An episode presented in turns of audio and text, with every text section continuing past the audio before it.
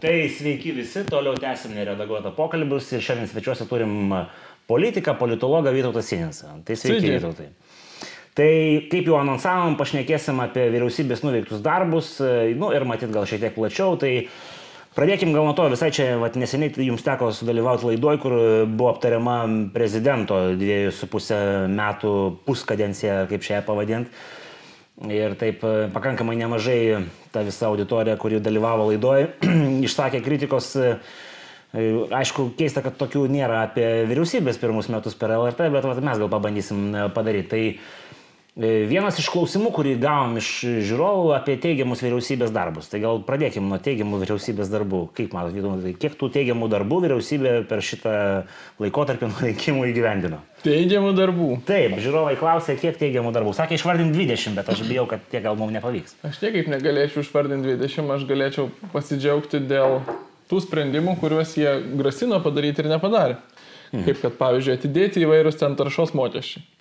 Gerai, kad atidėjo, šaunuoliai. Tai vad tokio pobūdžio gerų darbų yra gal ir nemažai, reiktų pasižiūrėti, kuo jie grasino, sakyčiau, nežadėjo grasino Lietuvai, tada pažiūrėti, ko vis dėlto nedarė ir tai bus geri darbai. Bet na, abu suprantam, kad čia tokia liūdna perspektyva. Tai, tai to- tokių dalykų yra nemažai, bet e, čia ne komplimentas. Nu, matyt, galima būtų kažkuria prasme teigiamą darbą įvardinti tą, žodžiu, procesą, kurį užkūrė prieš e, mūsų tos nelegalius turistus, kurie ateidinėjo per Baltarusijos sieną. Bet vėlgi, susikūrė problemą ir ją sprendė, tai Taip, čia, sprendimas čia gal yra ir taip, teigiamas. bet aš, aš tą nuolat pasakau ir, ir tikrai neatsitrauksiu. Geras buvo rūpiučio antros berods dienos sprendimas, kai pradėti taikyti tie atstumimai nuo sienos. Ir tai, kad iki šiol jų laikosi, vyriausybė šaunuolė, kad tą padarė. Kiek suprantu, labiau iš Seimo narių atėjo ta iniciatyva, o ne iš pačios vyriausybės. E, bet jis, šitas sprendimas eina su tokiu didžiuliu bet, kad irgi už jį girti neišeina. Jis buvo mažiausiai du mėnesius pavėluotas, kai kitaip paskaičiuoju gal ir tris, nes mažiausiai tris mėnesius ėjo nevaržomai žmonės į, į, į Lietuvą nelegaliai. Ir tada būdavo siunčiami į tuos centrus, tai mes surinkom tos 4000. Dabar turim problemą, kas tais 4000 daryti. Tai tas sprendimas buvo reikalingas tikrai anksčiau, kaip minimum galėjo būti berots Liepos 13 vėliausiai, kai rinkosi į neįlinę sesiją, bet galėjo būti ir dar anksčiau per eilinę sesiją. E, Bet nesiryšta jo padaryti ir kaip po to paaiškėjo, realiai ir Anušauskas, ir Kaščiūnas, ir Bilotaitis skirtingai žodžiai, skirtingose medijose pasakė, kad na, laukiam, kad Europa, o tai reiškia Europos komisija ir konkrečiai ta migracijos komisarė, nu, leistų, pamatytų, jau sakytų, jo, jo problema pakankamai didelė. Tai aš manau šitas pabūkimo auka, kol mūsų ten pagailės ir tada jau leis, tai ta- tas toks serviliškas požiūris buvo labai blogas ir Lietuvai daug kainavo. Kainavo įvairiais būdais ir pinigais kainuos, ir socialinių įtampų prasme. Ta situacija su pasienio savivaldybių gyventojais, kurie ten buvo apšaukti, ten vos nedeveniščiose, kas antras kontrabandininkas ir panašiai čia prieš valstybę veikia, žmonės tiesiog bijo multikulturalizmo savo kaime, o ne prieš valstybę veikia. Tai viso to buvo galima išvengti ir nebuvo išvengta, buvo vėluota. Tai geras sprendimas, kai jis labai pavėluoja, nežinau, mes, nu, kiekvienas tegu nusprendžia, ar jis geras. Taigi, suprantu, tuo sąrašą ir baigiam šitą gerų darbų. Nu, pakankamai sunku. Okay, tai... Nes vis tiek yra, yra dalykų, kur kalba darys reformą, jinai gal gali kažkokia gera išeiti, ten e, kalba apie e, ligoninės, kurias šiaip jau reikia reformuoti. Bet panašu, kad kaip jie žada jas reformuoti, tai bus blogai. Kalba apie, va dabar čia naujas dalykas atsirado, turbūt bus atskira tema pokalbiui e, rinkimų sistemos reforma. Ar ne? Ir ten, pavyzdžiui, yra gerų dalykų liberalizavimas paramos partijoms, nes iš tikrųjų drakoniški tie įstatymai yra, kaip žmonės gali remti partijas. Beveik niekur Europoje taip griežtai nėra. Tu turi deklaruoti turtą, deklaruoti pajamas ir tada vis tiek labai nedaug ką gali. Nu, nedeklaravęs gali ten 12 euriukų ar kiek. 12 euriukų ir, nu, tai sėkmės, ką nors iš to surinkti. Visa sistema yra padaryta taip, kad realiai partijos galėtų reikšmingas pajamas gauti tik iš biudžeto, vadinasi, tos, kurios yra parlamente, galėtų gyventi. Uždara smėlio dėžė. Uždara smėlio dėžė. Tai va tą truputį laisvina, bet laisvina nedaug, tai esmės nekeis, čia toks labiau žestas. Ir tuo pačiu tame projekte, kaip suprantu, yra ir toks dalykas kaip elektroninis balsavimas, kas yra labai blogai, labai pavojinga ir... Nu, jie sako, kad nėra. Buvogi čia postas vieno iš tų grupės lyderių ar vadovo, žodžiu, kad e, jie dabar lauks VRK, žodžiu, sprendimo, galimybių studijos ir tada jau matys, kuria kryptimi eiti. Dieve daug. Dieve duok, kad neitų. Bet e, apskritai, kaip, kai susirenka vyriausybė nusibrėžusi programą perkeisti Lietuvą, vertybinė prasme, ekonomikoje iš esmės sakyčiau taip neoliberaliai iš, išparceliuoti Lietuvą, čia galėsim prieiti, visai tie norai privatizuoti strateginius objektus ir panašiai, tai nu, negali būti gerų darbų beveik iš principo. Jeigu įvyksta, tai kaip sakau, įvyksta per kažkokį atsitiktinumą arba nenuoseklumą.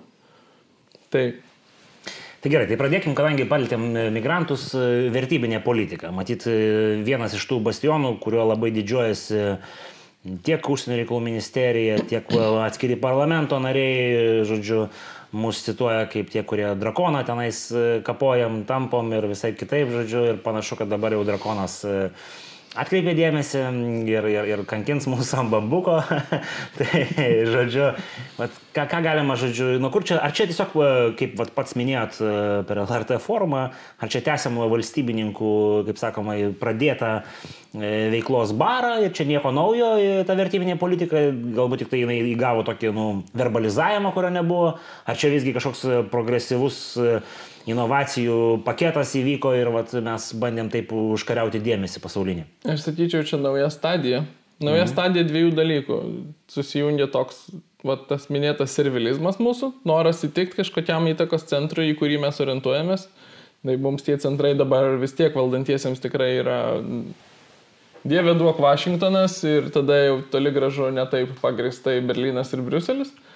Ir, ir tas bandymas įsiteikti jiems, čia kaip Matas Maldeitis berots pasakė, kad kai jo paklausė apie tai, ar, ar, ar kitos frakcijos koalicijoje žinojo dėl tos Taivano atstovybės, e, taivaniečių atstovybės, tai Jisai sako, nu, su Amerikos atstovai susirašinėti ir viską jie žinojo, tai kur jau čia mūsų šitie nežinojo. Tai prasme, buvo derintas su Amerika tas veiksmas, bet yra geras klausimas, jeigu tikėti koalicijos partneriais ir prezidentu, arba bent vienu iš jų, tai nebuvo derintas su partneriais vietoj.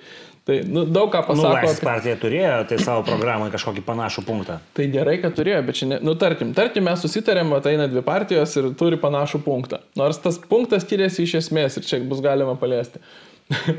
ir tada tu nepraneši ekonomikos ministerijai, kuri, nu, jau nežinau, kaip reikia naiviai žiūrėti, nors jie dabar kartais taip sako, kad, nu, čia buvo neįmanoma numatyti pasiekmių, nustebino mus pasiekmių mastas, kaip labai Kinija supyko, nu, tarkim, buvo neįmanoma numatyti. Bet vis tiek, kad ir mažesniu mastu tu supranti, kad tai bus ekonominis klausimas, kad bus didžiulės pasiekmes, e, labai didelės ar labai labai didelės, nu, bet jos bus. Čia turėjo, ar manaidė, kokia jį bebūtų būti traukta ir žinot. Ir dabar jis sako, kad nežinojo. Tai, tai, no, jo, tas, tas nėra normali situacija. Tai gali būti. Tai, tai vienas dalykas čia yra tas servilizmas, kad nu, iš esmės mano galva arba iš Vokietijos, arba iš JAV buvo noras, kad Lietuva tokį vaidmenį užsimtų. Ir turbūt buvo pažadas, kad nu, kažkuo jums bus atlyginta, mes jūs remsim, mes jūs palaikysim. Ir po to, kaip dažnai atsitinka, kaip prie Obamos Ukrainai atsitiko, remia tik žodžiais. Smerkia ir palaiko ir yra susirūpinę. Tai kol kas, kol kas mes matom tiek. Ir iš tikrųjų. Vien, vienas faktas, kuris labai vis stebina, kalbama visai, kad pabrėžiu, o čia Kinijos tik tai labai nedaug tiesioginių investicijų. Ne va visas e, Kinijos, e, žodžiu, sakim, tai priekyba su Kinija ir, ir bendravimas yra tik tai jos tiesioginės investicijos. Tai šiek tiek juokingai skamba. Žodžiu. Tai va tas ir yra. Čia galima vartoti tą žodyną, kurį mes vartojam su, su Baltarusija apie sankcijas. Kinija iš esmės pritaikė Lietuvai antro ligmens sankcijas. Ne tik tiesioginės, bet ir už paversdami mus toksiškais kitų akise. Nes Kinija dabar atsisako prekiauti su tais, kurie prekiauja su Lietuva. Priimti, tarkim, produkciją, kurioje yra komponentų gamintų Lietuvoje. Ir čia vat, ypač pastarosiam dienom lazerių gamintojai sakė, kad na, tai, tai jiems uždaro beveik viską. Nes su Amerika negali prekiauti, nes Amerika prekiaus su Kinija ir Kinija nepirks iš Amerikos, to, kame bus lietuviškų komponentų. Ar kas nors siekia situacijos, kad nebegalėtų prekiauti su Amerika? Ir tada Armanaitė sako, taigi susiraskit naujas rinkas. Kur tos Kinijos nepaliestos rinkos? Kur ta švari žemelė? O Taivanas, tai, superka visus krovinius, nu, tai, kurie praplaukė ir ne, nedaplaukė Kinijos. Taigi mūsų pozicija kai kurių asmenų parlamente dažnai yra kalbama apie tai. Mhm. Bet antras momentas prie to servilizmo. Tai, tai yra ta tokia demokratizacija, nešimas atviros pilietinės visuomenės projekto um, į, į rytus. Ir mes tą iki šiol visada labai tikėjo Lietuva nuo pat savo stojimo į tarptautinės organizacijas, kad tarptautinės organizacijos yra tokios filantropiškos ir vien geros, kad jos neturi ideologinės agendos, kad e, visada tau bus atlyginta už tai, kad tu prisidėsi prie jų tikslų. Nu, ir Lietuva nešė tą demokratiją. Ir kažkuriuo mastu, ypač patiems būnant naujokais ES, tai nu, buvo toks suprantamas vaidmuo. Nešti daugiau demokratijos į Užkaukazės Respublikas. Nu. Okay Bet tai gaudavo formas žmoniškas, kurios nekeldavo konfliktų. Jeigu Adamkus kažką darė, spręsdamas konfliktus už Kaukaziją ir ten kažkokius ryšius tiesdamas, tai jis daugiau tapdavo draugu tų tautų, negu kad kažkokiu įsibroveliu. Tai, ką pradėjo daryti šitą vyriausybę savo vertybinę politiką, jinai pradėjo iš esmės kištis, keisti režimus, kištis į, į, į kitų šalių vidaus reikalus grubiausiam formom. Nu, mes turėjom... Us, nežinau, ar daugiskaita tinka, čia mes vieną režimą labai bandėm keisti. Na nu, gerai, vieną, vieną režimą, sakykim. Tai, tai šitą vieną režimą mes turim 30 metų kaiminystai. Niekas nesipiktindavo ankstesnė politika jo atžvilgiu. Tai, Grybauskaitės. Tai, tai, tai Kubilius niekas... buvo vizituose, ar Grybauskaitės viskas buvo keičiama. Nei Kubiliaus, nei Grybauskaitės niekad nesmerkė, kad jie nevertybiški ir išdavinėja laisvės idealus. Tie santykiai buvo normalūs, visi žinojo, kad ten vyksta tos represijos, kad ten rinkimai neskaidrus, nesažininkai, nelaisvi. Pasmergdavo tuos rinkimus, padėdavo disidentam, primdavo jaunimą, čia sukūrė tą humanitarinį Europos universitetą. Ir tai buvo normalaus masto įsitraukimas, na, demokratizuojant, palaikant, kuris nekėlė skandalo ir, ir iš esmės vos ne konflikto situacijos su šitą šalim. Mes galėjom priimti, aš manau, kad normalu buvo priimti kaip dar vieną eilinę disidentę, jų išrinktąją prezidentę. Čia mes įpriėmėm. Bet tada, mes, bet tada mes ją pristatėm kaip laimėjusią ir kad ji dabar yra ta tikroji Baltarusijos prezidentė ir pradėjom ją visur vežioti ir pristatinėti ir siūlyti visokius tarptautinius formatus kaip tokia. Ir va tai yra jau aiškiai ribų peržengimas. Nu, jie remiasi kažkokią statistiką tų išėjusiųjų iš balsavimo apylinkių, Oi. žodžiu Nežinau, kiek tai galima, žodžiu, bet nu, kažkokia va tokia yra loginė atrama. Mano galva, Lukašenka yra visiškas kvailys, dėl to, kad jam būtinai norėjosi ten fantastinių skaičių, jis tikrai būtų laimėjęs nieko neklastodamas, tik laimėjęs neįspūdingai. Ir su tuo klastojimu ir po to su tom represijom protestuotojų jisai nu, tiesiog pats užaudino problemą, kurios galėjo nebūti. Galėjo būti tuo mastu, kuris būdavo ir anksčiau. Nu, žmonės būtų pasižiūrėję, nu, surinko Lukašenka 65, nu gerai, nu surinko, nu iki kito karto. Dabar viskas išsirutuliojo, kaip išsirutuliojo. Rezultatas šitos dabar jau paimti vertybinės užsienio politikos Lukašenka turėjo bėgti dėl stabilizavimo ir valdžios išsaugojimo, prašyti pagalbos pas Putiną, Putinas pagalbos atnešė, tiek finansinės, tiek visokios kitokios. ir dabar Lukašenka dar labiau yra Putino kišenėje, dar labiau priklausomas. Dar labiau gali Baltarusijos teritoriją kariniais tikslais ar kokiais nori disponuoti Putinas. Čia mes esame girdėję tą argumentą, matyt, vat, ir iš pačio, vat, sakim taip, konservatyviausio Tėvinės sąjungos politiko Laurino Kašiūno, kad anksčiau e, Lukašenka turėjo kem 8 valandų, žodžiu, autonomiją, dabar jis matyt turi ten 3 trijų, žodžiu, tai kažkas tokio, žodžiu, kaip pavyzdį, tai gal ta situacija, žodžiu, nepablogėja, panarpliokim tokią versiją. Nu, man sunku diskutuoti su tom valandom, nes jos yra išgalvotas ir, ir aš jos neva, pasiūlyt... buvo, jos neva buvo pasakytos kažkokiam mitingė privačiai, žodžiu, kažkokiam, žodžiu, Ukrainos atstovui. Aš galiu pasiūlyti nebent kokias kitas išgalvotas valandas, bet tai neturėtų prasmės. Aišku, kad Lukašenka nebuvo visiškai laisvas, bet Lukašenka buvo politikas, kuris siekia laviravimo ir siekia, na, vakariečiai pirkit mane. Iš jo būdavo signalų, kad, nu, o aš noriu, kad jūs man bandytumėt man, vat, padėtumėt man, aš demokratų netapsiu, bet būsiu jums draugiškesnis. Jis norėdavo, kad iš vakarų būtų veiksmų, kurie kurtų atsvarą Putinui. Man nu, buvo toks... Jis žaidė gerą žaidimą. geras, tas žaidimas buvo naudingesnis Lietuvai negu jokio žaidimo. Dabar nebėra jokio žaidimo. Dabar į vakarus nuo Baltarusijos yra vien Baltarusijos priešai, grubiai tariant, ir yra vienintelis draugas rytuose. Jokio žaidimo nebėra, mums tai yra blogiau negu tas ankstesnis žaidimas laviravimo, kur ir Europa turėjo ką pasakyti, kur galėjo galų galę pirkti jo kažkokius sprendimus. Nu, va čia parama, bet tu nedaryk to ir ano. Ką Europa šiaip jau daro nuolat su tom rytų partnerystės šalimis. Tai vienareikšmiškai ta situacija yra pabloginta. Ir net jeigu kalba eitų apie 48 ar 3 valandas, tai jeigu mes kalbėtume apie karinius dalykus, tai čia limtingos valandos. Nu jo, tas ne, ne, negali ginčytis, dvi paros yra visgi nemažas laiko tarpas kažką sumobilizuoti. Tai, žodžiu, vertybinė politika, kaip mes bežėtume, kažko kito apart e, skambių antraščių, kurias užtarnavo mūsų kai kurie vyriausybės atstovai, daugiau nieko net nešė. Aš turiu skambių antraščių pasaulinėse dienraščiuose, žurnaluose, medijos kanaluose. Naudingo, ne. Yra ta dviprasmybė mano galva, kai vat, verslo atstovai kalba, kad visas pasaulis ir ypač vakarai, kurių investicijų mes nuolat siekiam, dabar žiūri Lietuvą kaip kažką nestabilaus ir nepatikimo. E, bet tuo pačiu metu politiniai lyderiai gyrė žiniasklaidos antraštės, gyrė kaip čia vertybiška, drasi, kokia yra šalis Lietuva, taip toliau. Bet aš manau, kad tiesiog per, per siūlės sunkėsi tas fasadiškumas viso šito ir supranti, kad jeigu kažkokia šalis gyrė Lietuvą už jos išsišokimą, bet tuo pačiu metu neprisideda prie to išsišokimo, Tai vadinasi, žiūri į jį kaip į išsišokimą ir nemano, kad tai yra sėkmės pavyzdys. Tai, bet kažkaip šitas disonansas, na, patiems valdantiesiems nekliūna, aš sakyčiau, ir žiniasklaidai nelabai daug kliūna, nes apie tai nėra daug kalbama, kad, na, vis dėlto tik žodžiais yra tas palaikymas. E, tai nauda, nežinau kokia, o žala, skaičiais dabar aš nepašnekėsiu, čia ekonomistą kokį reiktų pasikvies, bet, na, mes žinom, e, žala, kuri pavyzdžiui iš to Kinijos klausimo būtų buvusi, jeigu tiesiog būtume nutraukę tiesioginės investicijas ir priekybą su Kinija, na tai būtų vienas dalykas, kurį tikrai aš manau, kad gal būtų galima pakelti. Na dabar, kai mes, ir kurį gal būtų galima ten kompensuoti Taivano investicijom, lūstų gamybos projektais ir taip toliau. Bet dabar, kai mes kalbame apie tai, kad Kinija... Kad mūsų laisvos ekonominės zonose bus gamyklos išmontuojamos galimai. Taip, taip, taip, tai, tai tampa tiesiog, aš nežinau, nu, faktiškai nepamatuojama. Ir klausimas dabar vienintelis turėtų būti, kaip spręsti tą problemą. Ir reikia atkreipdėmėsi, kad patys, patys valdantieji, e, tiek tas pats Matas Maldeikis, tiek Laurinas Kaščiūnas dabar jau renkasi tokią poziciją, bent jau kiek mačiau LRT kažkurioje laidoje Berots Lietuva kalba, Laurino Kaščiūno buvo ta tezė laidos, kuriais prisistato, kad ir kaip vertintume tą sprendimą, bet jis yra priimtas ir dabar reikia žiūrėti, ką geriausiai daryti. Iš esmės tai reiškia, klaida padaryta, Klaida padaryta. Nu, tai ir prezidento pozicija tokia. Nu, tai prez... Bet prezidentas yra kritikas. Čia, čia keiščiau yra, kodėl prezidento pozicija tik dabar. Jis turėjo anksčiau apie tai kalbėti. Taip, taip. Bet kad valdantieji dabar bando sakyti, nu, sprendimas priimtas, ką dabar toliau darom. Ar atšaukinėti ar neatšaukinėti. Ar bent jau tą prieimusi sprendimą ministrą atšaukinėti ar neatšaukinėti. Va čia turėtų būti klausimas.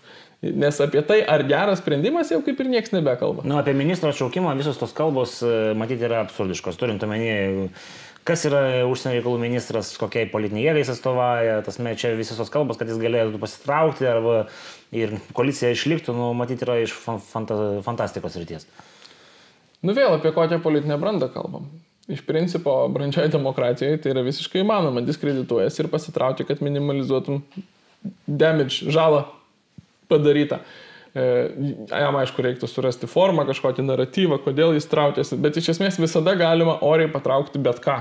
Nu, bet ne partijos pirmininką. Ir partijos, pir... partijos pirmininkas jau yra iš esmės atsisatęs to savo partijos pirmininko vaidmens kaip visumos neįdamas į premjerus. Prisimdamas va kažkokį, nu, atsiprašau, bet antrailį postą kaip pagrindinės koalicijos. Gal čia ir buvo pagrindinis, tasme, argumentas, kad, nu, galbūt išsaugosim šiokią tokią, žodžiu, veidą ir spalvą ir panašiai. Ne, tai šiaip iš tuos pastaruosius rinkimus iš dalies uh, taip sėkmingai pasirodė konservatoriai mano galva todėl, kad buvo ar pagaliau pasakyta, ar pagaliau išgirsta, kuriant rinkiminę strategiją, kad Gabrielius Landsbergis turi būti na, kažkur antram plane. Jis negali būti tas veidas, nes Landsbergis yra be galo polarizuojantis žmogus. Nesvarbu, kuris. Bet... Žodis Landsbergis. Taip, ir, ir, ir su tuo, su tuo jie na, visada bus tam tikros lubos ir kai į priekį išstatai šimonytę, tai tos lubos kažkiek pakyla, gali daugiau žmonių pasiekti ir per tuos psichologinius lenkščius perlipti. Tai, tai buvo protinga, kad rinkimų laikotarpiu Landsbergis buvo salidinai tylus ir pagal šitą logiką protinga ir kad mm, čia, taip jau premjerų nebūsiu, nes premjeras jau kasdien tiesiog bus žmonių akise ir kasdien tiems, kam tai yra e, dirgiklis, bus dirgiklis. Bet e, tas vaidmuo, kurį jis pasirinko, jam aišku, aš matau, kad tai yra sritis, kur labai nori būti labai aktyvus ir daug idėjų turi ir čia entuzijazmo, kaip nežinau, kokiam vaikų darželėje. Bet, bet kokią kitą sritį jis galėjo pasirinkti. Nežinau. Mąstant, sudėtinga būtų įsivaizduoti kažkokią kitą sritį. Nežinau, nuoširdžiai nežinau. Sveikatos tai, apsaugos tai, ministras. Tai ne, nebūtų blogiau turbūt. Na, Nebūtų. Ar taip, ar taip, nes, čia aš net neš, nesišaipau, ar taip, ar taip yra visiškai nesusijęs su sritimi žmogus. Tai jeigu visiškai nesusijęs su sritimi žmogus ir jeigu Gabrielius Landsbergis laiko, kad jis yra tinkamas apskritai vadovauti kažkokiai sričiai pagal principą, kad gali nebūtinai būti jo specialistas, bet turi būti geras vadovas, jeigu jis jaučiasi geras vadovas ir tinkamas apskritai kažkokiai sričiai vadovauti, tai vienodai tiktų vadovauti ir sveikatos apsaugai. Aš manau, kad jis jau jaučiasi šiek tiek ir specialistų, nes vis tiek karjerą pradėjo užsienio reikalų ministerijoje, šiek tiek pabuvo Europos parlamente, tai nu... nu tai mes, pama mes pamatėm per, per pastaruosius metus, mes pamatėm, kaip tas specializacija, tas profesionalumas reištis. Tai vėl, tai dabar turiu paklausti, čia aišku klausimas yra ne apie vyriausybę, bet e, kai anonsavau epizodą iš karto atsirado ir pastamsta mačiau ant sienos, e, atsiranda periodiškai, kai kalba pasisuka apie vertybinę politiką ir pavazę Taivaną atsiranda senokas straipsnis, kur nacionalinis susivienimas, ar tai pro patiria dabar bijau sumiluot, e, o gal abu palaiko Taivano nepriklausomybės klausimą. Tai ar čia nėra hipokritiška, kad tam dabar... Nacionalinis susivienimas ir nemanau, kad hipokritiška. Dabar, kai yra eskalavęsis tas klausimas ir, ir gavęs formą, aš sakyčiau, kad tam tikras formuluotės ten reiktų pakoreguoti, bet ne dėl to, kad atsisakyti principinės pozicijos. Mano galva ir partijos supratimu, Taivanas yra valstybė palaikytina prieš Kiniją. Bet jiegi nori būti One China ir pats Taivanas. Čia yra dar vienas klausimas, ko jie iš tikrųjų nori, nes pagal, pagal kaip čia, nacionalizmo studijas, e, objektyvius kriterijus kaip atskiros tautos taivaniečiai atitinka. Bet subjektyviai jie e, valstybingumo atskiro vis dar nenori. Ar tai yra politinis žaidimas, nes logikos jokios čia nėra. Taivanas, na, niekada nevaldys Kinijos pagal vienos Kinijos principą. Na, bet kažkoks konjunktūrinis sprendimas toks yra kol kas to principo laikytis. Ir esmė mano galva ne čia. Esmė yra, kaip rasti formą pa, išreikšti palaikymą Taivanui. Ar iš viso to reikia? Reikia. Taivano siekiai prieš Kiniją yra palaikytini. E, bet esmė yra kokia forma. Ir va dabar ta, ten berods buvo 20 metų gegužės tas e, pareiškimas, kad palaikyti Taivaną. Tų pačių metų vasarą, dar prieš rinkimus, jau atsimenu, LRT Radžilas komentavo tiksliau ir mano galva teisingiau, pabrėždamas, kad na, Lietuva norėdama palaikyti Taivaną turėtų imtis veiksmų, bandydama sutelkti tarptautinę bendruomenę, tai vadinasi, pirmiausia, aišku, mums europinė bendruomenė, kažkokiem bendriem veiksmam e, bendrai pozicijai, kuri nenukreiptų Kinijos pykčio asmeniškai į Lietuvą, kuri nukreiptų tebūnėtą pyktį į ES ir, na, ką tada ES gali atstovėti. Šitą Kiniją negali atsisakyti visko, kas ateina iš ES. Net tai turėtų būti kažkoks bendras veiksmas, už kurį mes po to vis tiek galėtume pasimti kredits, ne, jeigu tai būtų mūsų iniciatyva. Čia bet... Gabrielis nesikonsultavo su jumis, būtų padaręs geresnį sprendimą. Gabrielius net su Laisvės partija nesikonsultavo, nes Laisvės partija, dabar kiek skaičiau šiom dienom, e, jų, jų programui buvo iš principo tas pats principas parašytas, kad reikėtų palaikyti taivaniečius, bet tą daryti europiniu formatu, ne kaip vienai Lietuvai, o siekti, kad ES to siektų. Tai mano galva, ką padarė blogai, bandydami realizuoti kaip ir gerą principą, ir, ir tą aš toliau palaikau, valdantieji padarė e, daugybės konfliktų kontekste, nes mes turim objektyviai realų pagrindą turinti nuolatinį konfliktą su Rusija, jis yra, okei, okay, to niekaip nedings, mes sukūrėm patys konfliktą su Baltarusija, kurio neturėjo būti ir kuris dabar užima daugiausiai mūsų, sakyčiau, dėmesio viso konfliktavimo lauko, nes iš esmės vertybinė užsienio politika pavertė Lietuvos užsienio politiką nuolatiniu konfliktavimu su kuo nors.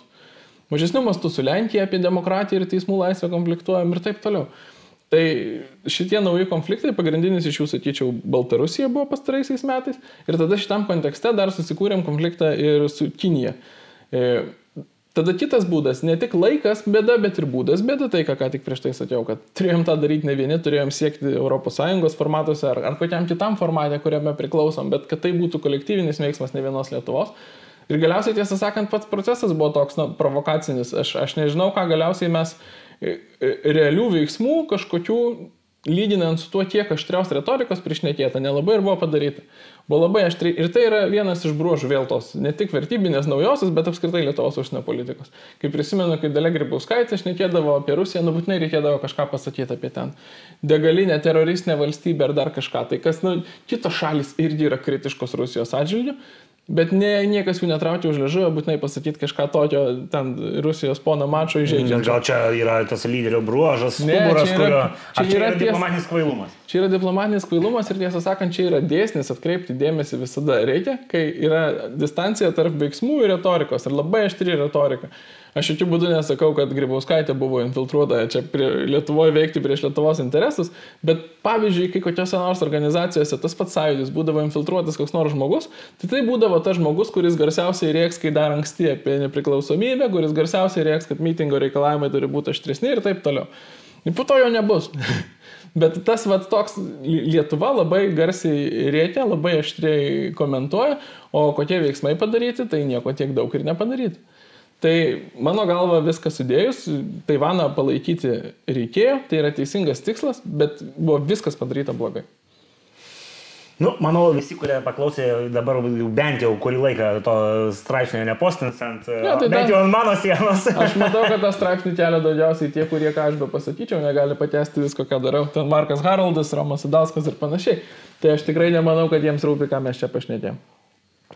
Ne, iš tų dviejų nebent vienas profilaktiškai paklausė ir VRK skundą parašė. Bet e, jo, tai pabandykim dabar tada pasišnekėti apie tą dramblį kambaryje.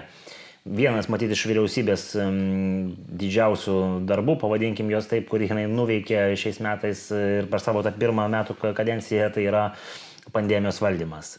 E, kaip va, tai atrodo pačiam, ar Ar čia, pavyzdžiui, buvusi administracija nebūtų nuėjus tuo pačiu keliu? Ar mes, nes yra ta nuomonė, kad, nu, mes kritikuojam, bet, nu, realiai visi būtų darę kažką panašaus ir, ir, ir, ir būtų panašus rezultatas?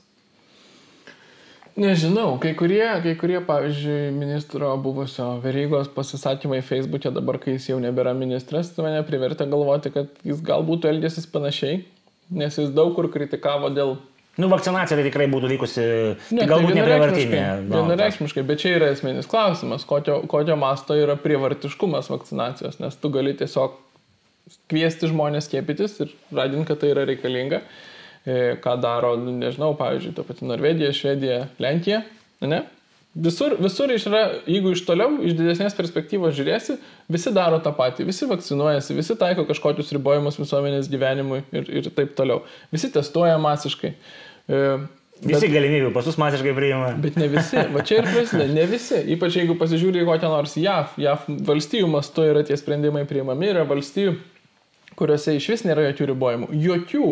E, Florida nuo 2000 nuo 2020 metų, bijau sumeluot gruodžio ar net kažkurio rudens mėnesio gyvena, nuo tada, kai pradėjo skiepytis, jie nutraukė karantinus ir nuo to laiko gyvena. Ir ten skaičiai pandemijos tiek atvejų, tiek mirčių, tiek hospitalizacijų nėra didesni negu tose valstybėse, kurios užsirakinusios griežtai. Čia ir, lyginam su Kalifornija ir New Yorku matyti. Ir ne tik. Kalifornija, New Yorkas, aišku, turi labai didelės koncentracijas, nes urbanizuoti be galo regionai, bet aš dabar nu, ne, nepavardysiu, bet bendras vaizdas, kai žiūrėjau tą statistiką tarp valstybių, aišku, kad tos respublikoniškos valstijos, kurios taip griežtai neužsirakino, jos yra mažiausiai urbanizuotos. Bet, nu, vadinasi, tas santykis jis yra pakankamai nedidelis. Vis tiek tas urbanizacijos mastas, jis nelėmė visko. Yra, yra šalių, kurios e, mažiau urbanizuotos, turi daugiau atvejų ir atvirkščiai negali į tą veiksnį visko suvesti. O jeigu išskyrus šitą veiksnį, tai tada tampa sunku paaiškinti. Nes iš tikrųjų valstijos JAV su daug mažiau suvaržymų nėra jokios tendencijos, kad nu, turėtų daugiau. Gal, mes, mesgi negalim matyti būti kaip JAV, e, kažkas pasakė. Na nu, gerai, negalim būti kaip JAV, bet tai tada Europoje irgi mes tikrai turime įsivardyti, kad yra šalis, kurios e, e, faktiškai dabar jau eina prie privalomos skiepijimo. Ne? Italija labai griežta, Austrija labai mhm. griežta. Mhm. Yra šalis, kurios, va, kaip Lietuva, tam galimybių paso mechanizmo rėmose veikia ir skirtingų griežtumų, ten prancūzai jau į autobusus neįleidžia, be galimybių paso Lietuvoje, sakykime, yra truputį švelniau, bet Lietuva taip kaip yra pasidarė viena pirmųjų. Vasarą, kai mes pradėjom rūpjūti kalbėti apie tą vat, dabartinę iš esmės galimybių paso tvarką, kuri mano galva yra labai griežta ir labai privartinė, Tai dauguma ES šalių dar tokios griežtos neturėjo. Galimybių pasas buvo dar toks iš esmės apie kultūrinius renginius, apie tai, kad nu, tikrai nebūtinosios reikmės dalykus, kaip įėjimą į parduotuvę. E, tai, sakyčiau, Lietuva turi gan griežtą galimybių pasą ir jį įsivedė labai anksti. Ir tada yra šalis iš vis be galimybių paso. Šiaurės šalis, ta pati Lenkija. Bet čia, čia galbūt kontekstualiai daugam kyla klausimų, kiek tų šalių yra, gal tik penkios yra, nu aš čia hipotetiškai sakau, gal yra tik penkios šalis ir mes čia, mm, tasme, o visos kitos yra, žodžiu, kažkaip apsiri, apsiriboja tos dalykus. Aš visų neišvardinsiu, tikrai ne, nežinau tokio detalaus žemėlapio, kuri šalis ką daro, žinau padrikus pavyzdžius, bet užtenka vienos tiesą sakant. Jeigu tu turi šalia, ar nesvarbu, ne šalia, bet turi šalį, kuri matai, kad tvarkosi kitaip ir tu matai, kad tai veikia, tarkim, tai nesukelia, šalis Lietuva, bet kuri šalis turi kriterijus, kuo matuoja tą COVID politi valdymo politikos sėkmę, ne? ir tai dažniausiai yra hospitalizacijos ir mirtis. Kartais, mano galva, tai labai didelė klaida, atvejai. Atvejai nebeturėtų būti tas kriterijus, hospitalizacijos ir mirtis turėtų būti kriterijus. Tad jos siekia, kad šitų dalykų būtų kuo mažiau. Šiaurės šalyse šitų dalykų yra labai mažai. Labai mažai. Bet ten galbūt tankumas yra mažas, pasakytų kritikai. Ne, nepradėkim. Miestai, vis tiek yra miestai ir miestuose reikštusi, nesireiškia. E, Aš pats buvau kritiškai Švedijai pirmaisiais pandemijos metais, nes kai Švedija buvo vienintelė, kuri nieko visiškai netaikė jokių privalomų ribojimų, tik rekomendacijos, ten aišku yra mentalitetas, kuris tą leidžia, buvo pažįstamų, e, lankėsi čia Lietuvoje pažįstami iš Švedijos. E, Ir stebėjosi, sako, jūs čia visi su tom kaukiam, bet atstumų nesilaikot, nieko nesidezinfekuojat, nu, tipo, ką jums liepia, tą jūs darot, bet jūs patys, tik atrodo, iš vis nedyti to viruso ir jums čia nerūpi. Tai su lietuvišku požiūriu rekomendacijos, aišku, neveiktų, bet ir su švedišku požiūriu jos neveikia. Pirmaisiais pandemijos metais e, Švedija turėjo, bijau sumeluot, kiek kartų, bet kartų, ne procentų, daugiau mirčių perteklinių negu kad visos kaiminės šalis, su panašiu klimatu, panašiu tankumu ir panašiai. Mhm. Tai tas Švedijos laisvumas, toj pirmoji stadijoje jis tikrai turėjo, vat, tais pandemijos valdymo rodikliais žiūrint, neigiamų pasiekmių. Labai daug perteklinių mirčių. Jeigu tu žiūri šiemet, tai atsiprašau, 21, man dar sunku pristaikyti, kad metai kiti, tai, tai visos šiaurės šalis rodo labai gerus rezultatus. Tai yra labai mažai hospitalizacijų, labai mažai mirčių. Reikia žiūrėti, kas ten kaip yra daroma. Tie modeliai gan skirtingi. Tarp tų pačių šalių, Danija turėjo galimybių pasą, švedai neturėjo nieko, Norvegija iš esmės išskyrus Norvegijoje dabar, kiek žinau, yra rekomenduojama skiepytis tiems papildomą dozę, tiems, kurie yra ne, ne, ne, ne rizikos grupės žmonės. Visiems kitiems, ta prasme, jūs laisvi. Kaukės ten Tasme, irgi daug rizikos laisviau. grupės, norėjai pasakyti, ar ne rizikos? Papildoma dozė tik tiems, kas rizikos grupė. Mhm. Okay. Uh, tai, tai ten visur yra laisvesnis tas reguliavimas. Ta pati Lenkija, jeigu pažiūrėtume pagal gyventojų skaičių, tai ten nėra tos mirtis tokios kažkokios dažnesnės, o reguliavimas daug, daug, daug laisvesnis. Tai mm, ir tada klausimas, mes visi turbūt suprantam, net ir didžiausi vyriausybės politikos šalininkai supranta, kad visos tos priemonės, ar tai būtų karantinai, ar galimybių pasai ir dar kažkas, turi socialinius kaštus.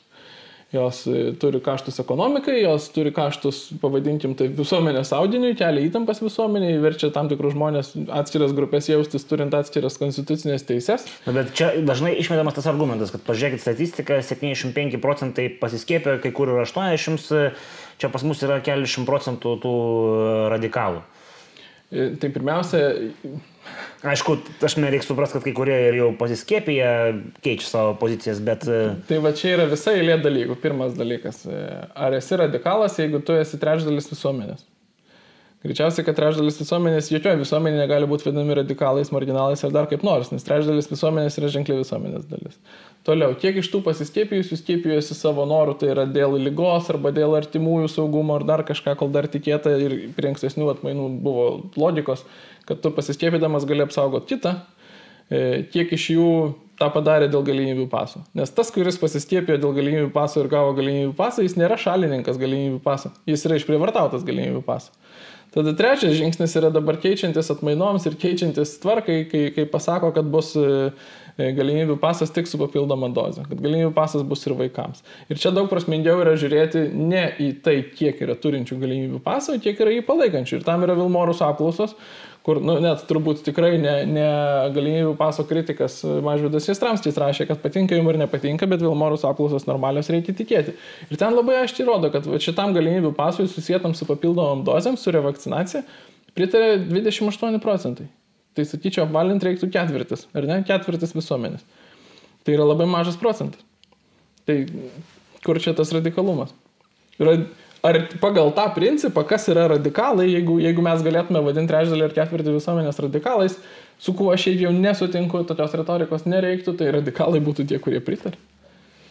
Nu, tai ar dar kažkas pandemijos politikoje yra tokio, ką, ką reikėtų pakomentuoti? Ar galim, sakoma, palikti šitą temą? Tai mano galva dabar, kai atėjo į Lietuvą Mikronas, o atėjo, dabar sakė 90 procentų visų atvejų, kuriuos užfiksuoja, tai būna tas Mikronas. Bet e, klausimas užfiksuoja ir kas guli ligoninėse, nes aš, man teko girdėti, pavyzdžiui, kad Amerikoje ne va Mikronas, o Mikronas, bet ligoninėse guli Delta. Tai taip, taip, taip, taip, nes žiūrėk, dabar mes turim keletą pastarosiam dienom, pirmo metų dienom, tokių faktų, kurie sunkiai susideda į vieną naratyvą. Arba kažkas kažką nusišnekėjo, arba gan sunku atsekti, kaip viskas dėliojasi. Sako, kad 90 procentų atvejų yra omikronas.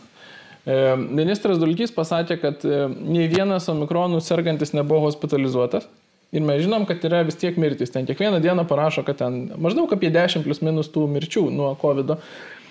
Tai Nebejotinai tos mirtis turi būti nu, nuo deltos, jeigu tikėti ministro žodžiais. Ir tas turi tam tikros logikos, nes mirtis, aišku, ateina vėliau, savaitę kita negu kad užsikrėtimo atvejai. Tai dar tikrai gali būti tos visa dabartinė mirčių statistika dar nuo deltos, kurios vis mažėja, nes vis daugiau kas užsikrečia omikronu ir jo persirga, kaip sako net pats ministras ir Santaros klinikų vadovas sakė, ir imunologija Žvirblienė redis sakė, ir daug žmonių, kurie iš esmės yra vyriausybės pusėje pandemijos valdymo klausimai sako, kad na, beveik visi persirga lengva forma, hospitalizacijų neprireikia. Tai šitam kontekste yra labai keistas ir nelogiškas kalbėjimas apie griežtinimus. Kalbėjimas apie karantiną, kalbėjimas apie privalomą skiepijimą kokiam nors visuomenės grupėms, kalbėjimas apie būtinybę revakcinuotis. Vėl to paties ministro Dulkio žodžiai vakar, kad omikronas nesirenka vienodai serga, e, užkrečia ir skiepytus ir neskiepytus. Bet tam pačiam interviu jisai sako labai gerai, kad visuomenė skiepijas ir kviečiam ir trečiai dozai skiepytis. Tai kaip ji labiau, labiau negu labai apsaugos? Jeigu nei vienas, pirmiausia, skiepas visi žinom sutarėm ne nuo užsikrėtimo, o nuo sunkios lygos formos. Ir su omikronu nėra sunkių lygos formų, nėra hospitalizacijų. Kaip suprantam ir skiepytėm ir neskiepytėm, paties ministro žodžiai. Tai prie šitų ministro žodžių, kokie atsiranda, kokioje kon, kokiam kontekste, kaip iš vis įprasminti ir paversti logiškais tuos žodžius, kad vis tiek revakcinuotytis. Juolab, kad turim, nežinau, kas tam tai daras. Ne, ne, aš klausau, viską. Juolab, kad turim e, Izraelio pavyzdį, kur nepasiteisino, nepatenkino lūkesčių e, trečia dozė ir dabar jau šauna ketvirtą dozę. O ketvirta dozė dar labiau nepateisina lūkesčių, nes kaip tam pačiam Delfi buvo rašyta, neatsimenu dabar tikrai pavardės, bet viena iš tos vakcinacijos kompanijos vadovių Izraelija sako, mes suleidžiam ketvirtą dozę, antikūnai šauna į viršų, bet labai trumpam ir tuoj pat grįžta ten, kur buvo prieš tą ketvirtą dozę. Po savaitės ar po tiek labai greitai. Tai kaip ir nebeaišku, kas, kas, kas, ką jie duoda. Nors aišku dabar kalba apie tai, kad reikia atsijėti imunitetą nuo antikūnų, bet neturi alternatyvos, kuo tada matuoti. Žodžiu, iš esmės mes dabar turim situaciją, kai atėjus, atėjusi atmaina, kuri labai greitai plinta, labai neišvengiamai beveik skiepyti ir neskiepyti turės persirgti. E, persirgė, nori, nenori, gaus imunitetą. E, bent pagal dabartinės tvarkas persirgė negali būti vėl skiepijami. Kol kas dar to nepripažino, kad persirgusiam yra saugus skiepytis. Priešingai ta pati Žirblienė sakė, kad daug dažnesni nepageidaujami poveikiai yra, jeigu esi persirgęs ir pasiskiepi. E, nu, nes taip juk įvyksta ir nežinant. Tai šitoje visoje situacijoje tas visas, o galimybių pasas tikrai, jau manau visi suprantam, yra skirtas ne pandemijai valdyti, o skatinti skiepytis. Jeigu skatint skiepytis nebeaišku, kam reikia, tai tada nebeaišku, kam reikia galimybių paso. Jeigu mes leidžiam su juo būriuotis į selo koncertus, tai mes turėtume leisti ir be jo būriuotis į selo koncertus. Visa likščiolinė pandemijos valdymo politika prie omikrono netenka prasmės, mano galva. Klausimas yra, ar vyriausybė pasižiūrės iš tą naują realybę ir prisitaikys ir galbūt atlaisvins gyvenimą, ar priešingai žiūrės kaip į vat, pretekstą dar kažką sugriežtinti, nors logika, mano galva, nediktuoja logika. O čia galim pasižiūrėti, pasižiūrėti vakarų Europą, ar kuris, kuri nors e, valstybė, kuri toliau griežtina, pasižiūrėjo omikroną. E, iš tos pusės Italija, Prancūzija. Tai panašu, kad ir mūsų jau nepasižiūrės. Ne. Bet, nu, nu, tai, pavyzdžiui, aš buvau šokiruotas to dulkio interviu vakarykščio, kurį, kurį aš čia citavau ne vienoje vietoje. Vakarykščio tai šiandien yra sausio 11, tai čia kas žiūri. Tai aš buvau šokiruotas, aš nemaniau, prasme, man tai atrodė toks praregėjusio žmogaus interviu, kuris pradėjo kalbėti kitaip negu kalbėjo anksčiau ir tas jo naujas kalbėjimas yra daug arčiau realybės negu liktolinis. Jis pripažįsta tai, kas vyksta. Jo netgi paklausė mano galva tokio provokacinio klausimo, žurnalistai sako, mm, E, yra kritikų, kurie sako, kad reiktų tiesiog, kadangi lengva forma visi serga, tai leisti visiems omikronų persirgti ir taip gauti imunitetą. Aš buvau tikras, kad jis atsakys, kad tikrai ne. Jis atsakė, reikia stebėti, kaip elgsis virusas ir pagal tai spręsti. Tai prasme, čia yra visiškai atviro įvairiems variantams žmogaus e, reakcija. Ir šiaip jau Lietuva linkusi visada kopijuoti pirmiausia Vokietiją, o jeigu ne Vokietija, tai kur nors, ką nors ES vakaruose.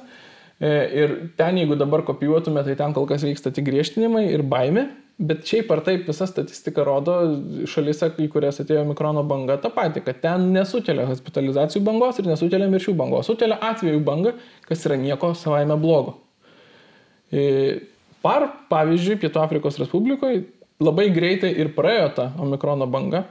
Yra mąstymas apie tai, kad galbūt tai yra susijęs su tuo, kad ten buvo mažai vakcinuota visuomenė, daug persirgusių ir kad yra platesnio profilio imunitetas nuo persirgymo, kad jis tada būna ne konkrečiai atmainai, o koronavirusui apskritai. Europos šalyse, va tose... Kalbat kaip geras imunologas. nu, šitie, šitie porą metų privertė, bet aš nu, nieko ne, neišgalvoju pats. E, Europos Sąjungos šalyse, kaip ten Danija, Junktinė karalystė, Šiaurės šalis, kitos, yra milžiniškas mastas e, vakcinacijos Ir atėjusio mikrono banga bent jau per tą patį laiko tarpą kaip Pietų Afrikoje, nu, nepraeina. Jį ilgiau laikosi. Tikėtina, kad žmonės, nu, skiepyti žmonės labiau užsikrėtinėjo mikronu. Kas yra visiškai nieko blogo, kol tai yra tik daug atvejų, bet ne daug hospitalizacijų ir mirčių. Tai aš neįsivaizduoju, kaip galėtų šitoje situacijoje ir tų pačių vakarų šalių vadovai apsimesti, kad nemato to fakto. Nes auga, auga, auga tikrai Lietuvoje, paaugo tas nepastenkinimas varžymais, kurių prasmės nebemato. Ir, ir aš manau, kad auks ir kitur. Dar vienas paradoksas, jeigu jau čia taip galima leistis, va kaip Prancūzijoje neseniai pašnekėjo Makronas, kad tie, kurie nepasiskiepijo, yra jo atise nepiliečiai, jis juos ten užknis, ar kaip čia reiktų versti tai, ką jis pasakė, pasistengs, neįvedinės privalomą skiepimą, bet pasistengs, kad gyvenimas būtų labai sunkus jiems. Kas yra galimybių paso esmė. Ir visą tai jis kalba kontekste to, kad Prancūzijoje yra paskiepyta 90 procentų žmonių, kurių amžius virš 12 metų, kurie yra tinkami skiepyti. 90 procentų. Tai ką jis ten nori užknisti? Ką dar nori užknisti? Ir, ir koks tada yra tikslas? Atseit tie likusieji keli milijonai prancūzų yra kalti dėl to, kad dar egzistuoja virusas. Bet jau kaip ir visiems jau aišku, kad to kolektyvinio imuniteto tiesiog suskiepinti visuomenę būti negali. Kalbėjo, kad reikia 70 procentų, pasiekta, neatsirado. Nu, visiems, man atrodo, neaišku. Reikia, ne, tai gerai, tai fakt, žiūrintiems į faktus, aišku. Kalbėjo apie 90 procentų, pasiekė 90 procentų, neatsirado. Kai kurios šalis pasiekė beveik 100 procentų ir vis tiek neatsirado. Ir dabar jisai turėdamas 90 procentų susiskiepijimą kaltina tuos kelis procentus nepasiskiepijus, kad per juos dar gyvuoja virusas, o tai kaip jis įsivaizduoja, kas, ką, ką dar galima pasiekti, ką, ką, ką, ką galima pakeisti. Tai nereikia, dasme, Makrono, man atrodo, vakar vienas e, žinomas e, estrados mūsų veikėjas ir influenceris ir labai mėgstamas kviesti įvairiausius uh, renginius išvadino visus durniais ir paragino kuo greičiau skiepytis. Nežinau, ar tam samatė tą postą, žodžiu. Bet... Čia svaras. Taip. Tai, nu, tai nu, man... tas me vyksta tas, žodžiu. Aš pušinimas. matau, kad yra labai daug žmonių, kuriems... Aš nemanau, kad jie specializuojasi šitose temose, aš jokių būdų nesu profesionalas šitose temose, bet kadangi neišvengiamai šiandien pandemijos kontekste uh, yra, norint ką nors spręsti apie tai, kokie politiniai sprendimai turi būti šitoje situacijoje, turi kiek galimybės leidžia gilintis ir į tą profesinę pusę šitos temos. Ir ar tie žmonės, ar bent kiek gilinasi į tai, ką mes dabar šnekam. Nes jeigu tu... Retorinis klausimas, mes nežinom atsakymą. Mes nežinom, bet iš principo yra neįmanoma sakyti to, ką sako svaras, kad čia va, durniai, kurie nepasiskiepijo dabartiniam kontekste, kad jie užkimš ligonės, kad jis vėl eis savanoriauti ten į fronto linijas prieš COVID. -ą nes per tuos durnius nepasiskiepijusius, tuo pačiu metu, kai tau, tau net nereikia skaityti kažkokių, nežinau, kritiškų alternatyvių šaltinių, tau užtenka vadulkio pasiklausyti.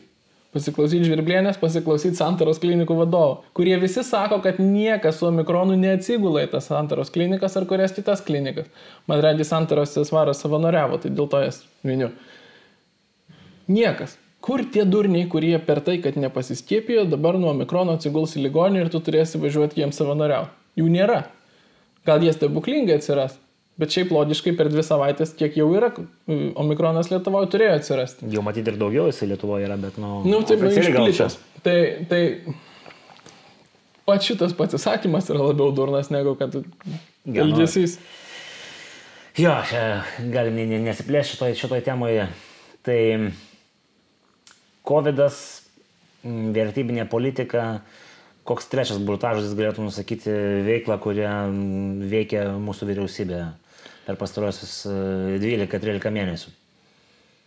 Nesakyčiau vyriausybė, čia neaišku tiek vyriausybė, tiek Seimas, bet turi tą tokį vertybinę politiką ir vidaus politikoje. Mhm. Vykdo, vykdo vertybinį karą, jeigu taip galima pasakyti. E, Ir, ir bando priimti vis naujus įstatymus ir 21 metais sekėsi labai sunkiai, o 22 metais tikrai bandys vėl, nes neberta temti link rinkimų geriau kuo anksčiau. Priimti įvairiausius įstatymus, kurie iš esmės prieštarauja daugumos visuomenės nuomonė įvairiais vertybiniais klausimais. Apie kalbą, apie šeimą, apie lyties keitimą. Bet čia, čia galima šitos nurašyti Seimui, nes mes sėka vyriausybė, Seimas, nors tie patys žmonės kaip ir yra vyriausybės nariai. Tai bet aš nežinau, kiek čia, kiek čia yra faktas, kad be vyriausybės pritarimo tie dalykai nevyksta. Faktas, kad dažniausiai iniciatyva ateina būtent iš vyriausybės narių. Tikrai tie visi ten lyties keitimo ir panašus dalykai be teisingumo ministrės negimsta. Tikrai dėl va, kalbos, tarkim, asmenvardžių rašymo nevalstybinė kalba pasuose projektai be teisingumo ministrės negimsta. E, Sveikatos apsaugos ministras e, irgi siūlė, jo iniciatyva buvo dėl lyties keitimo pernai rūpjūtį. Ja, prasme, šitie kad teisingumo ministrą gal mes vis dar prikalbinsim pašnekėti. Yra kvietimas, kuris vis dar laukia atsakymų. Tai, Aš manau, e, kad jie yra labai įtakingas šitoje valdančioje koalicijoje žmogus ir daug lemiantis ir kad tikrai Seimas, bet šiandien, kai kalbamės, Seimas yra numatęs balsuoti dėl alkoholio liberalizavimo, nors tam po komitetų tas projektas tapo švelnus, e, dėl asmenvardžių mm, rašymo nevalstybinė kalba vietoje valstybinės pasuose, kas tikrai bent tam tikrai, tokiai patriotiniai visuomenės daliai yra labai jautrus klausimas. nepatinka labai. Oi, čia, čia ilga tema be abejo. Ir, ir dar vienas berots privalomas skiepijimas medikams ir slaugos socialiniams darbuotojams. Trys tokie, vat, nu, super aštrus, super visuomenė kiršinantis klausimai. E, Atskiras visuomenės dalis, vienas vieniems jautrus, kitas kitiems jautrus, bet jie visi yra jautrus. Ne vienas iš jų nėra kažkaip skubus, mes ką tik apkalbėjom, kodėl dėl COVID nebėra skubu ir tikrai nėra skubu nei dėl asmenvardžių, nei dėl alkoholio kažką dabar keisti. E, Ir na, dar tokiam kontekste, Laisvės didėjų dienos išvakarėse, e, šauna vat, visą krūvą, kažkas čia juotėsi Facebook'e, kad e, kodėl dar partnerystės nepridėjo, tai tada jau tikrai būtų pilnas paketas visais pjūviais kiršinimas. E, Tai tas kiršinimas yra nuolat daromas ir aš sakyčiau, net yra tokia tam tikra laikysena e, vyriausybės perimta iš ES kurti problemas ir, ir tada siūlyti naujus sprendimus toms problemams. Toks dar vienas kiršinimo pjūvis. Atkreipkim dėmesį, ES jinai sukuria mechanizmus, kuriuos tada negali atsakyti savarankiškai valstybės narės ir tada siūlo sprendimą, žiūrėkit, reikia giliau integruotis. Tai buvo su euru, kuris įgalina, pavyzdžiui, neribotai skolintis graikus ir tada po to sako, žiūrėkit, ne, mums reikia fiskalinės politikos griežtos Europos mastu, nes kitaip, nu, euras įgalins va tokias betvartės, kaip įvyko Graikijoje. Tas pats buvo su migrantais. Merkel, nacionalinės valstybės vadovė, sako, ateikit, refugees welcome, refugees eina, tampa problema kitoms šalims, kurios yra išorinės ES sienos turėtojos, tada sako, klausykit, mes be Frontex negalim išspręsti tos problemos, reikia europinių mastų spręsti sienų apsaugą. Ir taip yra daugybė klausimų. Vienas burtažas buvo pa- pa- pavartotas ir galbūt mes jo niekada labai smarkiai nelėtėm, bet e, per tuos metus, e, matyt, vienas dar didelis įvykis, e, kuris praėjo pro vyriausybės rankas, yra finansai. Ir ministrė, ir, ir biudžetas, ir skolinimas iš ES. Ar čia yra kažkokia pagiriamųjų žodžių ar paveikiamųjų žodžių iš tamstos? Mes turim tą bėdą dabar infliacijos ir aš manau, kad jinai didelė dalimi yra dėl europinio ligmens sprendimo begalybės pinigų, kuriuos ES įlėja. E, Vėl galima aiškintis kaip nori, bet pandemija lyg ir tikėtasi, kad sukels nuosmutį ekonomikų visur, bet nesukėlė to nuosmutio. Ekonomikos, tai bendrai įmant skirtingas visuomenės grupės palėtė labai skirtingai, bet e, ekonominio nuosmutio BVP smūtimo, nacionalinio ūkio smūtimo nebuvo. E, šalis laikosi gerai, bet šalia to yra įlėjama gausybė pinigų iš ES, jos dalinamos, jos naudojamos kaip politinis ginklas prieš neklusnės šalis, ten Lenkija turi savo Vengriją ginčius apie tai, ar jos gaus pinigų kaip klusnios šalis ar ne. E, ir tai labai dėliu mastu prisideda prie infliacijos ir kainų augimo.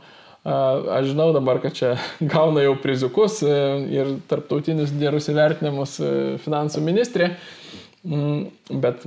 Už tai, kad daug pasiskolino, už ką? Nu, bet aš, aš nesupratau, už ką jinai gauna. Bet atsakyti šitą klausimą negalėčiau. Įvertinimas yra, ten tiesa juotėsi, kad įvertino tie patys, kurie kažkada ir snorą geriausių bankų įvertino. E, bet už ką tas įvertinimas, kas čia tokio gero buvo padaryta, aš nežinau.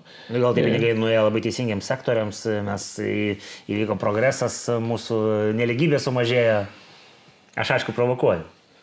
Aš nežinau atsakymą, aš nežinau, kur tiksliai nuėjo pinigai, tie paramos pinigai dar niekur nenuėjo, aš žinau konkrečiuose sektoriuose, kaip pavyzdžiui žemės ūkėje, kad yra e, Užkulisiuose yra nuojauta, kad e, bus e, skirstama labai pagal pritaikytas euroms grupėms sąlygas, kad nu, labai maža dalis visų ūkininkų galės pasinaudoti tą paramą, nes atitiks sąlygas. Čia žinot, kaip būna viešieji pirkimai pritaikyti konkretiems laimėtojams. Nu, betgi dabar nevaldžioji. Ramūnas Karbauskis, tai kas, kas, kas gaus, jeigu ne jisai, žodžiu. Didžiausias žemvaldys. Gal Karbauskis dabar irgi bus pralaimėtojo pozicijoje iš to vietoje.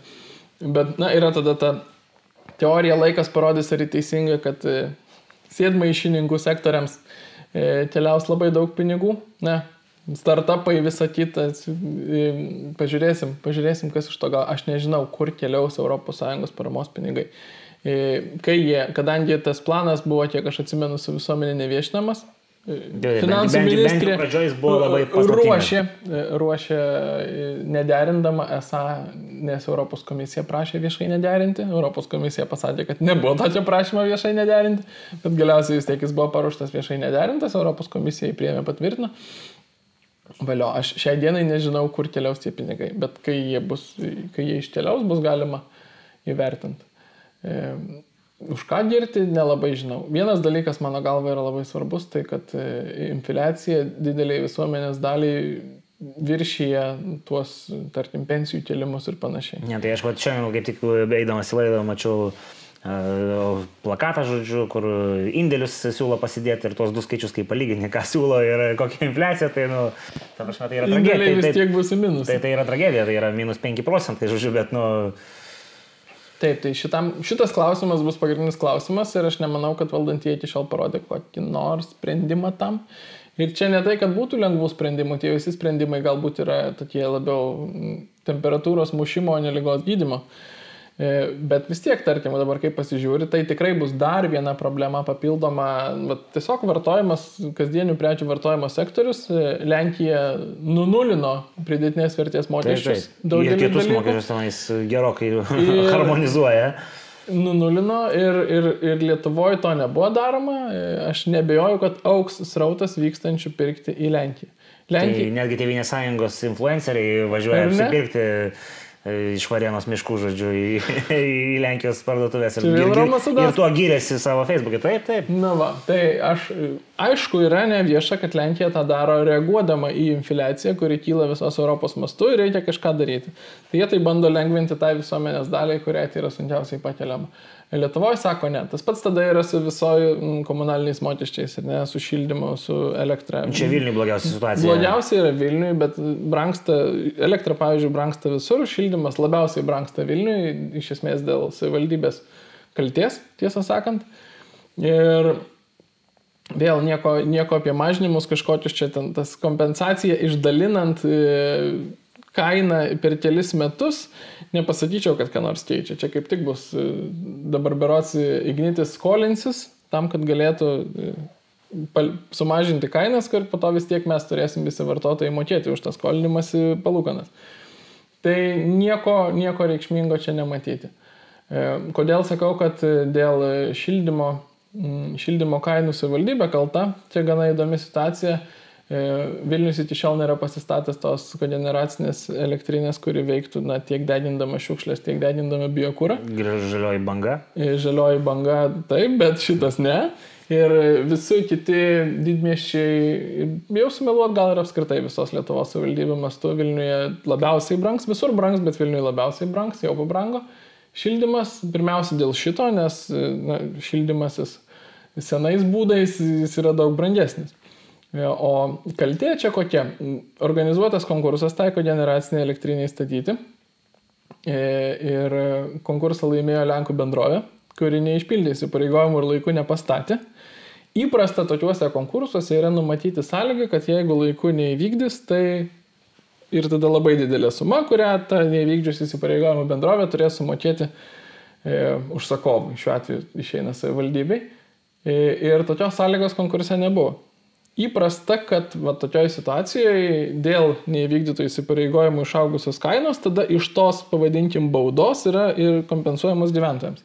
Bet kadangi savivaldybė nenumatė sudartyje tokios baudos ir jos negavo, tai ir iš jos negali nieko kompensuoti. Aš manau, kad dabar bet kuriuo atveju po tokių šildymo kainų, net ir šimašiui tapus politiškai nebesvarbu reitingai ir visa kita, na jis vis tiek gal nėra sadistas Ir, ir dabar skubos tvarka iki kitos žiemos tvarkys šitą klausimą ir kitais metais jau tokio masto problemos nebus. Galimai čia bet nėra. Šių, bet šių metų problema yra tiesiog per aplaidumą ir nekompetenciją palikta patokiam visiškam tiek 2,5 karto augimui. Gerai, tai grįžkim prie, prie vyriausybės. Dar vienas momentas, kuris man įstrigo ir ne, ne tik man, ir aišku, gal čia yra nesmė, ypatingai valančiųjų šalininko akise turėjom čia tokį uh, įdomų akibrokštą. Šiaip jau tos kalbos yra, kad žiniasklaida, valstybinis transliuotojas yra kaip viešųjų ryšio agentūra mūsų valdančiai daugumai, bet labai taip simboliška buvo, kad vienos, vieno epizodo metu per LRT Premjerės to įvedančiosios pozicijas. Vakar vykusios laidos kažkodėl nei tamstas, nei kažkurio kito pašnekovo neužleido į savo vietą. Prezidento nepasikvietė. Šiaip iš principo, jeigu LRT būtų pasikvietę analogiškam formatui prezidentą, tai būtų, tai būtų pataisę vaizdą ir tos ankstesnės laidos, kada pasikvietė premjerę atsakinėti į politologų klausimus. Tai reikštų, kad tai nėra išimtinis kažkoks formatas, kad mes bandom visus šalies vadovus tik kviestis. Gal po to dar pasikviestų ir kokią čmelytę, na nežinau. Bet dabar taip išėjo, kad tą padarė tik su Šimonyte. Aš manau, kad tai buvo gan keista, nes yra atskirų formatų ir laidų, kur pasikvietė ir atsakinėja į, į politikas, į žurnalisto klausimus. Gal neėjo prezidentas? Negali būti tokios versijos? Gal, nežinau. Nežinau, bet aš manau, kad tikrai LRT nepraleistų progos pasakyti, kad prezidentas neėjo. Na, aš irgi manau. Tai, tai tas turbūt būtų viešai žinoma, dabar nėra. Tai ta laida, kada mm, premjerė buvo pasikviesta atsakyti į politologų klausimus, buvo keista. Tai gal savaime būtų nieko blogo. Bet mano galva politologai ten nebuvo linkę labai jau spausti premjerės, o kaip tik tuo metu buvo temų, kur buvo labai lengva spausti. Gal pats, ne tie politologai buvo pakviesti? Nu, tai kur, kur tie politologai? e, tas pats vat, tra, tų kalio trašų tranzito klausimas. Buvo mm. tuo metu kaip tik aiškių jau įrašų žiniasklaidai viešai prieinama apie tai, kad ministrai, kurie figuravo to istorijoje, žinojo viską apie tuos sprendimus, kuriais patys labai baisėjosi ir vaizdavo, kad nežinojo. Ir čia buvo nu, poros žingsnių dialoge, vat, pasako, atsako, pasako, atsako ir tu prieini tą tašką, kada iš esmės e, premjerė priversta pripažinti, kad žinodami sąmoningai melavo jos ministrai. Tai tiesiog prašyti prašėsi tą. Nu, arba viceministrai žinojo ir ministrų nieko neinformavo, kas irgi matyt būtų panašu į... Nu, tie būnie, bet nu, žmonės mažai, mažai įsivertintų, ar tu taip, tikėti, bet iš esmės vis tiek tas, tas akivaizdu. Tai, tai aš žinau, kad ypač vyriausybės šalininkai, konservatorių šalininkai yra dideli gerbėjai tų visų BBC hard talk formatų, kur žurnalistai spaudžia prie sienos politikus ir politikai turi atstovėti ir kad labai žavisi, kad jie kilaitis ar miliutė sugeba tokius dalykus padaryti, bet Tie dalykai visada būdavo daromi prieš kitų partijų atstovus, prieš valstiečių atstovus, prieš dar ką nors ir niekada prieš dabartinius valdančiuosius ir nu, dabar irgi nieko panašaus valdančiųjų atžvilgių nevyksta. Man labai strigusi ta frazė, aš linkęs ją kartoti esu, kai čia buvo tie reitingai, kad žiniasklaida pasitikė vos ketvirtis gyventojų, mažiausiai per beros 23 metus.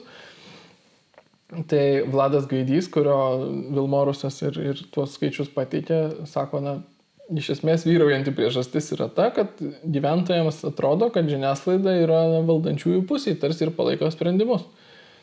Tebūnie gal gyventojai klysta, bet gyventojams taip atrodo. Tai aš tai man, nemanau, kad klysta. Iš tikrųjų yra daug tendencijų, dėl kurių tikrai dažnai atrodo ir ypač tos pačios COVID temoje, bet ir ne tik visų vertybinių karų temose. Dabartinių valdančiųjų ta tokia leftistinė pozicija yra nu, ta, kuri patinka žiniasklaidos priemonėms. Ir užsienio politikos klausimais LRT ir- labai ir- tendencingai pateikia informaciją. Įspūdžio, įspūdžio negerina. Bet galiu dar pabaigti, nes mes nušokom vienoje Tai žinoma. Aš sakiau apie, apie tai, kad mes kopijuojam nacionaliniu mastu tą europinį modelį, kai sukuri problemą ir tada jau jai mhm. turi paruošęs naują sprendimą. Tai kodėl, sakau, tą patį mes darom Lietuvoje? Mes tą patį padarėm su tom e, trašų tranzito problema, kai iš esmės e, sukurta situacija, kai Lietuvos geležinkeliai, jeigu mes vis dėlto užblokuotume tranzitą, pasakytume, kad to nebedarysim, labai tikėtina, kad galėtų bankrutuoti. E, Ir jau paruoštas sprendimas, tai galbūt reikia privatizuoti geležinkelius, galbūt reikia privatizuoti Klaipėdos uostą.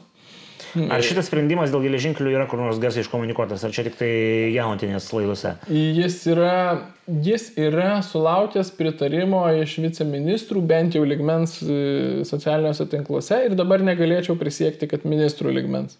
Mhm. Bet greičiausiai irgi. Bet čia reiktų žiūrėti truputį kitaip, retrospektyviai reikia žiūrėti. Birželį Susisiekimo ministerija teikia Seimui projektą privatizuoti įvairius strateginės reikšmės objektus. Aš dabar neatsimenu tiksliau sąrašą, bet ten irgi buvo infrastruktūra pagrindė. Keliai, berots geležinkeliai, dar kažkas tai. Ir Seimas priemė, buvo labai tyliai, paskutinė berots sesijos diena. Seimas priemė, prezidentas vetavo. Tai ta prasme, valia šitą daryti iš valdančiųjų pusės yra labai aiškiai virtusi teisės aktų projektais ir pritarimu Seime jie nori privatizuoti strateginės reikšmės infrastruktūros Tai čia gal nieko naujo, turint omeny konservatorių istorinę Tai, tai, tai retrospektyvą. be abejo, be abejo nieko naujo, bet tas tyliai eina, apie tai nėra, tai nėra tema žiniasklaidai. Ir, ir taip kažkaip po, po radarų praeina. Tai dabar subankrotinimas, užlugdymas vieną ar kitą formą tų objektų taptų taip, tokiu papildomu argumentu, nu žiūrėkit, nesusitvarko, nu tikrai reikia privatizuoti, nu tikrai reikia, nu niekaip kitaip. Tu sukuri naujas problemas, kurios tau padėtų prastumti savo jau paruoštą, iš anksto paruoštą sprendimą. Dabar tas pats, aš sakyčiau, va tik šiandien perskaičiau Armonaitės interviu, kad mm, klaidelė ar problemėlė kažkokį ten tokį diminutyvą pavartojo su Kinija. E, krizelė, va, krizelė su Kinija. E, Padės Lietuvai tapti konkurencingiausią valstybę. Taip, čia sukūrėm, sukūrėm konfliktą šitą. e, Tikrai ir jinai turi pripažinti, kad krizė, bent jau krizelė. Ir siūlo sprendimą, aš ten skaitau, tai mums reikia mažinti mokesčius, visiškai panaikinti pelno mokestį, čia, kuo, kuo bus mažesni mokesčiai, tuo irgi, aišku, tai yra jų ideologinis sprendimas, kurį jie atsineša irgi iš anksčiau. Kuo mažesni mokesčiai, tuo geriau. Nu, pasaulio praktika rodo, kad investuotojai eina ne į mažiausių mokesčių šalis, o į stabiliausių mokesčių šalis. Koreliacija yra tokia, investicijas geriausiai pritraukia stabiliausia aplinka, visapusiškai stabiliausia. Ir ten, kur tu gali dešimtmečių žiūri ir matai, kad mokesčiai nesikeičia, nesikeičia biurokratinės kliūtis, nesikeičia geopolitinė situacija, nu, vat neįvyksta tokie dalykai, kaip mes su, su Nu, nelabai mes tų kriterijų atitinkam. Mes visiškai netitinkam. Ir, bet, žinai, kiekvienoje situacijoje, kada esi blogoj būklėje ir tu turi kažkaip spręsti, mes šiandien nesam labai patrauklus investicijom, bet dėl išvardintų kriterijų. Mes galėtume eiti tuo kažkokiu stabilumo keliu, pasirašinėti kažkokius, nors man jie dažnai taip fasadiškai atrodo, bet nacionalinius susitarimus tarp partijų siekti vieno ar kito. Tarkim, kad ir kokie bus mokesčiai, bet kad mes jų nekaitaliosim ten tuo ar anų tiek ir tiek laiko. Na, bet čia bet, bet kuri, kuri yra val... nėra valdžios, sakys, jie prieėmė, dabar nori, kad mes pasirašytume. Čia sudėtingas atvejis. Sudėtinga, bet kažkaip jie pasirašinėja tuos susitarimus. Nu jo, bet ne Kitais klausimais. pasirašinėja. Taip. Tai, na, bet kuriuo atveju. Dabar čia yra, sukūrėm krizę su Kinija ir siūlom sprendimą, žiūrėkit, e, kuo mažesnė valstybė, kuo mažiau mokesčių. Tai šitas elgesys, man atrodo, toks yra nu, visiškai nukopijuotas iš to ES modelio. E, Krizės tam, kad pasiūlytum savo iš anksto paruoštus ideologinius sprendimus. Šaunas modelis. e, tai vytautai. Kas dar apie vyriausybę ir, ir, ir, ir valdančiosius būtų paminėtina? Nes matau, kad mes jau tą valandos formatą prieėm, bet e, gal kažko aš dar neužklausiau, tamstos gal sukasi ant e, liežuvio ar e, yra noras apie kažką dar išnekėti, kas liečia valdančiosius. Nes tada jau bus klausimai, kaip nacionaliniam susivienimui reikia didinti matomumą, kurie galbūt ne šitos temos, bet jos kitą kartą paimsim. Temos. Bet iš tikrųjų, man atrodo, tiesiog apibendrinant tą paskutinį dalyką apie, apie visuomenės kiršinimą. Leitmotyvas 21 metų buvo visuomenės kiršinimas. Ten, kur buvo galima ką nors sutiršinti, ten tą ir padarė. Kartais tik retorika, kaip sakydama, tarkim, premjerė, kad nepatinka išsirinksit kitus, kas iš esmės reiškia, aš su jumis nekalbėsiu, man dzin, visa kritika, visi nevyriausybininkai, kas tik nori, protestai. E, tiek COVID klausimais spręsdama aštriausiais būdais, kokius galėjo sugalvoti. Na, nu, įmanoma buvo tiesiog padaryti privalomą skiepijimą, būtų dar aštriau, bet iš esmės labai aštriai sprendė. COVID neišvengiamai reikalavo kažkokio sprendimo, kažkas čia turėjo būti, tai vis tiek būtų visų netenkinę. Okay. E, bet pasielgta taip, kaip pasielgta, to paties COVID kontekste, kur valdantieji jau žino, kad jie ten jau priversti erzinti visuomenę, jie tada dar pridėjo ant viršaus migrantų nesprendimą ir po to retoriką visą, kuri tik eskalavo konfliktus su net ne didmeščiuose, su kaimo bendruomenėmis, ten apie tą prieimimą, kur pradžioje minėjome. Ne, tai kaimuose niekas negyvena, pasak vyriausybės. Nu, tai, tai, tai koks skirtumas? Arba bent jau, čia labai svarbu, šalčininkos tiek niekas nebalsuoja už konservatorius. Argi svarbu, ką jie ten galvoja ir ko jie nori ir ką mes apie juos pasakysim. Ir tada visi tie šeimos klausimai. Pagimdė šeimos gynimo maršą irgi lygioje vietoje su projektais, kuriems puikiai žino valdantieji, kad 3 ketvirtadaliai gyventojų nepritarė, naujai šeimos sampratai. Naujai nu, čia, aišku, sampratai. kritikai sakytų, čia neteisingai buvo sformuoluotas klausimas. O, tų klausimų apklauso. yra tiek daugybė, svarbiausia, dar geresnius, nu kaip geresnius, kritikams gal nepatinka, man patinka. Dar didesnį visuomenės nepritarimą naujoms šeimos sampratoms rodo tarptautiniai tyrimai, visokie Pew Research Center ir panašiai. Pastarai dešimtmetį ne tik, kad nemažėjo, palaikymas tradiciniai šeimai, vyro ir moters šeimai, o ne kokiai kitokiai, jis laikosi maždaug stabilus paklaidos ribose ir jis, atro, jis atrodo didesnis tarptautiniuose tyrimuose, kur turbūt nedrįs sakyti, kad yra neprofesionaliai formuluojami klausimai. Tai akivaizdus yra nepritarimas tam, ką valdantieji nori padaryti, bet vėl atsineši savo ideologinę darbo atvarkę, matai kontekstą, kad dėl COVID yra didelės įtampos visuomeniai, sakai, o pridėkim dar Ir pridedi dar tada, siūlai visokias neapykantos kalbas, lyties keitimus, stambulus, partnerystės ir taip toliau. Ką galėjo, tą viską jie darė, kad visuomenę kuo labiau sutiršinti. E, visai sėkmingai tą darė. Aš manau, kad frustracijos lygis visuomenėje yra didžiulis. Ir iš pirmųjų posėdžių šiais metais matau, kad tą darys ir toliau, ir gal labiau. Aš jau galvoju, kad vat, kažkada mums reikėtų atsisės padaryti epizodą apie... Nes turim mes tą valdančiąją daugumą ir turim tą visą likusią, žodžiu, dalį politinių jėgų ir, ir, ir, ir juos palaikančių, bet jie yra antiek, tasme, nu, fragmentuoti ir panašiai, kad va, reikėtų pašnekėti, kaip taip išeina, kad du trešdaliai visuomenės masto kitaip, bet vis tiek mes išsirenkam tai, ką išsirenkam. Bet čia jau kito epizodo tema ir manau, okay. mes jį sėkmingai pavystysim. Tai ką, tai Dėkui visiems, kurie žiūrėjote, dėkui Vytai, kad skiriat savo brangaus laiko ir atėjot su nauju kostiumu, tai yra žavu. Ačiū. Iki kitų kartų. Sėdėjau.